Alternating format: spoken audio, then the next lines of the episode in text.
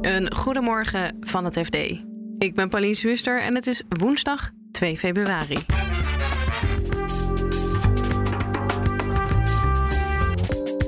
De benzineprijs is op recordhoogte, terwijl de olieprijs dat nog niet is. Het verband is er wel, maar het exacte verband is heel moeilijk vast te stellen. Waar dat door komt, hoor je zo van onze energieredacteur. En het nieuwe kabinet wil graag de huren betaalbaar houden, maar beleggen in woningen moet tegelijkertijd ook aantrekkelijk blijven. Dit is de dagkoers van het FD.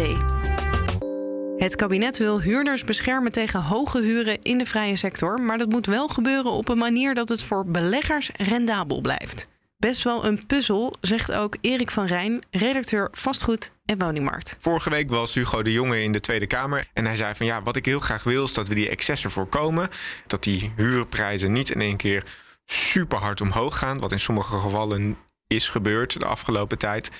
Maar tegelijkertijd moeten we wel zorgen dat we daarmee niet eh, al die beleggers, die institutionele, die pensioenfondsen en die verzekeraars uh, en die, die bouwers wegjagen.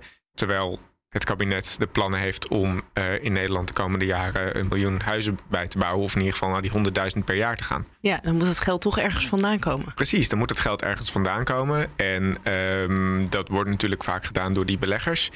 Het is inderdaad een enorm lastige puzzel. Ja, want ze willen vooral de huren beschermen van de middenhuurders. Maar dat bestaat eigenlijk helemaal niet. Nee, dat, ja, dat klopt eigenlijk wel. Officieel bestaat het niet. Hè. We hebben in Nederland een gereguleerde huursector. De sociale huurwoningen.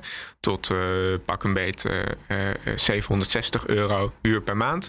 Of je bent overgeleverd aan de vrije sector huurmarkt. Dat wordt dan berekend op basis van een puntenstelsel. Hè. Elk huurhuis in Nederland heeft een bepaald aantal punten worden toegerekend. Ja. En als je minder dan 142 punten hebt, 142, 143 punten hebt, dan behoort die woning tot de sociale sector. Als een woning meer dan 242, 143 punten heeft, dan hoort die tot de vrije huursector. Ja. En dan mag je eigenlijk als verhuurder bijvoorbeeld ja, er eigenlijk een beetje nogal voor vragen wat je wil qua aanvang. Dat is eigenlijk uh, ja, dat is de vrije markt. En dan hebben we het over middenhuur. En middenhuur is dan, dat zijn we gaan noemen, het segment tussen de 760 euro per maand en de 1000 euro per maand. Maar Ja. inderdaad, precies wat je net zei, eigenlijk bestaat dat formeel niet. Ja, en, en dat deel willen ze dan eigenlijk gaan reguleren of meer van krijgen. In ieder geval meer betaalbare huurwoningen. Je zei al, dat is een puzzel, maar zijn er oplossingen? Kan je bijvoorbeeld dat puntenstelsel aanpassen of iets anders doen? Ja, je zou bijvoorbeeld inderdaad dat puntenstelsel kunnen aanpassen. Vorig jaar zijn er al onderzoeken gedaan in opdracht van de Tweede Kamer naar manieren waarop dit zou kunnen. Dat is best lastig. En het, dat komt vooral omdat het heel erg lastig in te schatten is wat de gevolgen daarvan zijn voor die beleggers.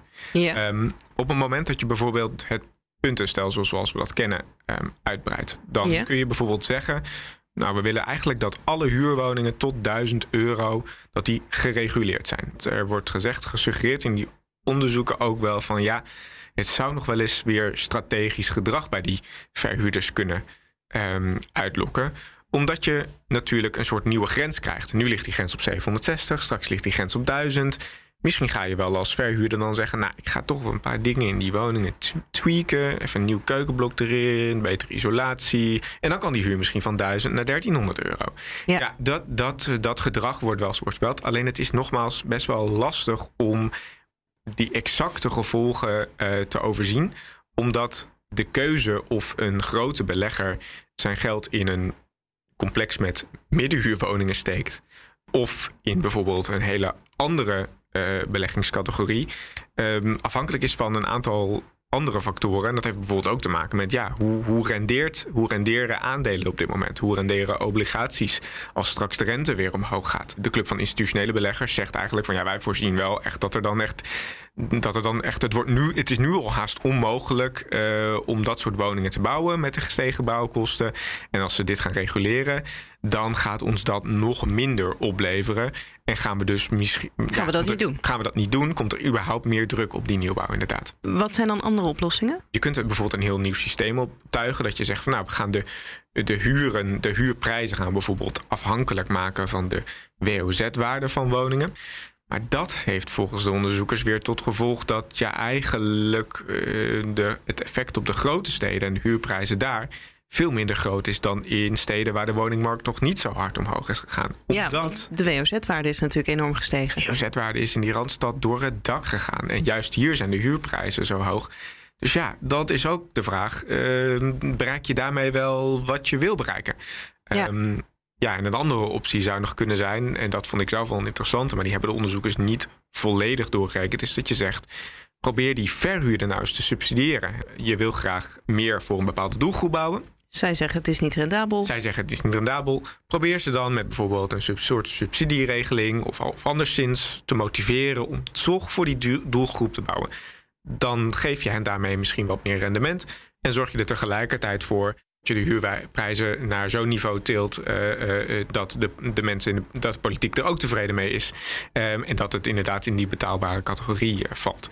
De minister die gaat de eerste helft van dit jaar bekendmaken wat zijn exacte plannen zijn. Dus ja, ik ben heel benieuwd wat hij uiteindelijk gaat, gaat kiezen. En of het tijdelijke maatregelen bijvoorbeeld worden, of dat het minder tijdelijke maatregelen en permanente maatregelen worden. Um, dat zullen we nog even moeten afwachten.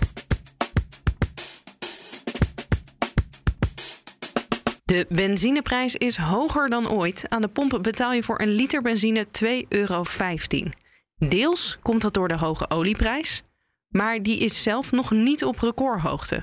Hoe dat kan, vraag ik aan Karel Gol, redacteur Energie. Het exacte verband is heel moeilijk vast te stellen. Dus het is, uh, je, als de olie duurder wordt, zal benzine duurder worden. Als de olie goedkoper wordt, zal op termijn ook de benzine uh, minder duur worden. Maar het is niet zo dat iedere 10 dollar van de olieprijs dat dat uh, eh, 10 cent op, de, op een liter benzine doet of iets dergelijks. Uh, wat speelt er dan uh, vooral nog een rol bij de benzineprijs? Wat heel belangrijk is, is er zijn belastingen in Nederland. Dus meer dan de helft van je liter aan de pomp, om het zo te zeggen, is belasting. En een andere wat ik ook zelf, wat voor mij een beetje een blinde vlek was, is de wisselkoers. Hoe, hoe zit dat dan? Hoe, hoe werkt dat samen? Nou, de olie is een internationale markt. Alles wordt in dollars afgerekend. Nu is de euro is zwakker geworden ten opzichte van de dollar. Dus uh, een vat olie, dat kost nu meer euro's dan het een jaar geleden kostte uh, de Europeaan. Zo die al bestaat, in ieder geval de Nederlander. Uh, betaalt meer euro's voor olie dan die vorig jaar zou doen. En ook dat werkt mee aan de prijs van de pomp uiteindelijk. En dan hebben we ook nog uh, wat uh, nou ja, politieke schommelingen. Bijvoorbeeld uh, Rusland, Oekraïne. Is dat nog een risico voor, deze, voor de benzineprijs? Uiteindelijk is dat enorm een risico. En Rusland heeft veel olie. En als er een grote boycott komt op Russisch olie. Of als Rusland besluit om minder olie te exporteren of wat dan ook. dan betekent dat dat er minder is op de markt. En dat betekent dus dat de prijs ook omhoog zal gaan. Dus wat er nu met Oekraïne gebeurt is heel ehm, dat is heel spannend. En um, nou ja, ik denk sowieso als je er al geheel over kijkt, dan lijkt het erop dat de benzineprijs nou ja, nog wel verder kan uh, gaan stijgen. Ik begrijp dat dat voor inflatie ook een drijvende kracht is. Energie is uh, misschien wel de grootste drijvende kracht achter de, de, de, huidige inflatie. Iedereen gaat meer betalen voor zijn energie, uh, voor zijn huishouden. Maar ook, um, ik heb geen auto. En toch word ik ook geraakt, want als ik naar de winkel ga en ik koop daar iets, uh, of ik laat het bezorgen, wat iedereen nu doet met die uh, busjes. Alle winkels zijn bevoorraad door bussen die allemaal uh, rijden op diesel. Nou, en die diesel is ook hoger, is duurder dan ooit. Dus het moet allemaal door worden berekend. En wordt allemaal, uh, dus wordt het allemaal duurder. Dus de hele, als hoge energieprijzen, dat maakt gewoon dat het leven duurder wordt. Dus inflatie.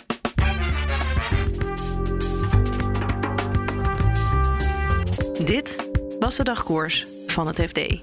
Op fd.nl lees je meer over deze onderwerpen en volg je het financieel-economisch nieuws. Morgenochtend is dagkoers weer te vinden in je favoriete podcast-app. Een hele fijne dag en tot morgen.